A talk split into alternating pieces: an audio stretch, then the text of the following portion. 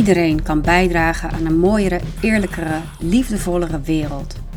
Ik ben een witte cisvrouw zonder handicap van middelbare leeftijd. Ik ben ex-ondernemer, partner, moeder, zus, dochter, vriendin, buur, vage kennis en veel meer. Mijn naam is Maaike van Kempen en ik leef mijn eigen kleine, bescheiden leven zo goed en groot als ik kan. Deze podcast helpt me daarbij. Het is een plek waar ik reflecteer op mijn ervaringen en gedachten. Dit is Kabaal. Solliciteren is nog steeds niet mijn grootste hobby. Sterker nog, als ik iets kan doen om te vermijden dat ik het ooit nog moet doen, dan uh, laat me weten wat. Want het is echt uh, gruwelijk. Ik word er echt diep ongelukkig van. Maar het is wel effectief gebleken. Want ik heb morgen mijn eerste werkdag bij mijn nieuwe baan. En dat is natuurlijk superleuk. Dus ik wilde je even een, uh, een update geven via deze podcast. Um, met mijn do's en don'ts. Wie weet heb jij daar ook weer wat aan als jij gaat solliciteren. Um, um, maar ik hoop dat het je dus bespaard blijft. Uiteindelijk heb ik, um, nou, ik weet niet precies hoeveel sollicitatiebrieven ik heb gestuurd in de afgelopen twee maanden. het valt op zich nog wel mee hoor. In het begin was ik heel fanatiek. Stuurde ik er wel vijf of tien of zo per week. Nee, ik denk wel tien per week. Uh, totdat ik op een gegeven moment dacht, wat ben ik nou helemaal mee bezig? Ging te hard. Kon ik niet meer goed voelen waar ik nou echt gelukkig van werd. Um, deden ook de afwijzingsberichtjes die ik kreeg me weinig goed. Um, want ja, ik verheugde me toch steeds echt onwijs op de vacatures waar ik op schreef. Ik zag mezelf daar echt al helemaal zitten. En uh, uh, nou ja, bij wijze van spreken tot aan mijn pensioen bijdrage leveren aan, aan de missie van het bedrijf. En steeds was dat dan een teleurstelling. Nou, verder heb ik een aantal gesprekken gehad bij organisaties. En ook een aantal gesprekken afgezegd waar ik wel uitgenodigd was. Um, dat voelde een beetje recalcitrant. Um, maar um, ik denk achteraf gezien wel het goede. Uh, om ja, gewoon geen tijd te verspillen van allebei. Um, um, want ja, als ik voel dat het niet helemaal het juiste is, dan kan ik dat gevoel beter serieus nemen. En ja, ik hoor je al meteen denken: ja, maar ja, je, soms moeten ook dingen zo, zoals je. waar je niet allemaal zin in hebt. En dan moet je ook gewoon je erbij neerleggen, maar. Ja, dat weet ik. Maar ik weet ook het verschil tussen een soort van licht twijfel in mijn lijf en een echte nee. En ik had gewoon, die keren had ik dan een nee. En um, ja, dan vind ik het gewoon niet eerlijk naar de ander om toch daarheen te gaan en te denken: misschien wordt die nee nog wel een ja. Uh, maar ook voor mijn eigen energie denk ik: ja, ik kan dan gewoon beter die energie bij me houden. Uh, en mezelf de, de, de tijd en de energie besparen en uh, die stoppen in, nou ja, wat er wel werkt.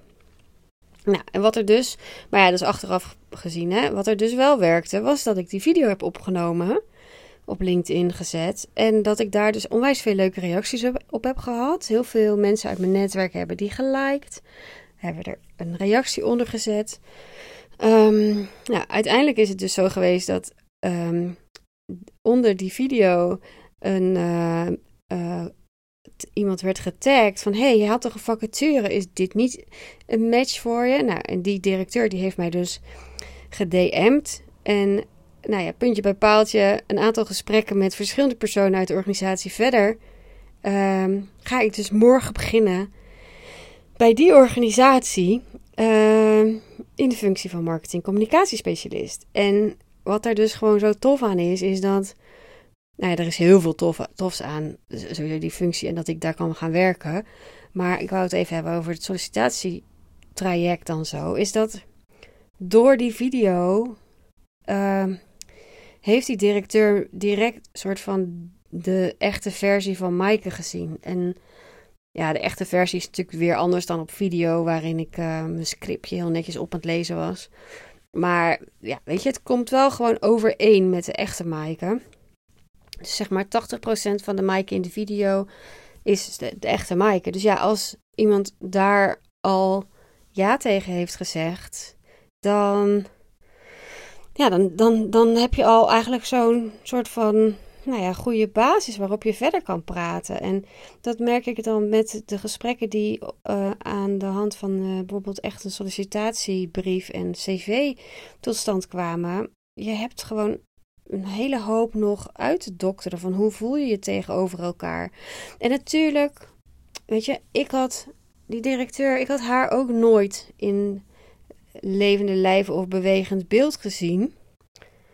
Uh, oh, maar wacht. Ik had wel een podcast geluisterd waarin zij geïnterviewd werd. Dus dat helpt misschien ook wel.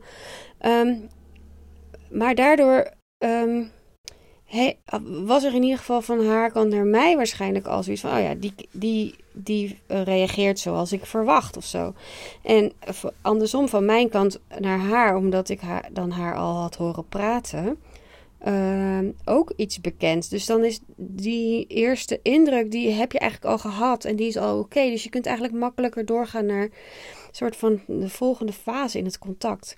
En dat, als ik daar nu over nadenk bij de andere gesprekken die ik heb gehad, had ik dat gewoon. Zaten die, die eerste fases van aan elkaar snuffelen, die zaten in het gesprek. En terwijl het, het, eerste sollicitatiegesprek was uh, was dan een gesprek om meteen over de functieomschrijving te gaan praten en um, uh, over uh, wie welke kwalificaties had, et cetera, en hoe je bepaalde problemen zou tackelen. Terwijl gevoelsmatig.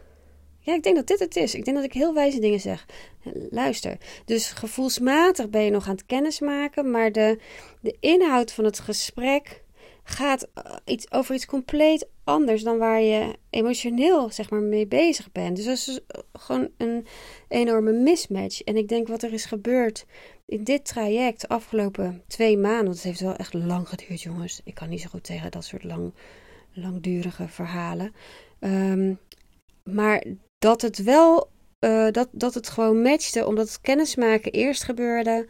En vervolgens gingen we het over de inhoud hebben. En toen was er al een soort van klik uh, qua karakters. En dat was gewoon heel erg fijn. Um, en ja, het duurt dus.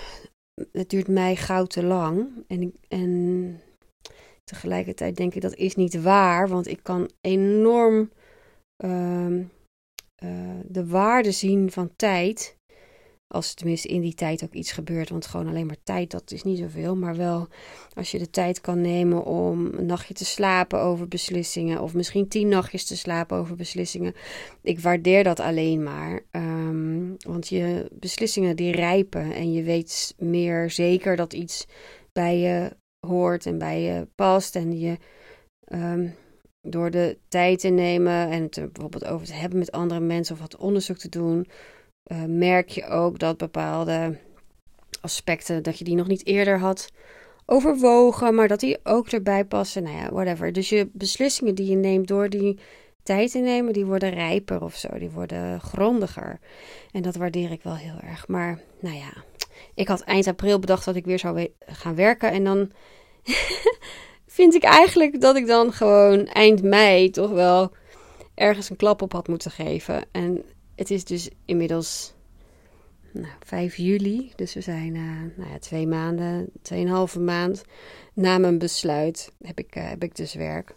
En waarschijnlijk is dat dus nog snel. Maar voor een type als ik heeft dat dus een soort van lang geduurd. Um, nou, dus dat. En um, ik zit even te denken of ik het ook nog een beetje moet hebben over hoe dat dan ging qua salaris. Want daar heb ik ook nog heel veel over nagedacht. Um, maak even een nieuwe podcast van. Ik denk dat ik dat doe. Dan druk ik even op stop. Dan wordt dit aflevering denk 31 of zo. En dan maak ik de volgende over hoe ik het salaris deed. Als ik dat durf tenminste, want het is natuurlijk een groot taboe. Dag, tot later.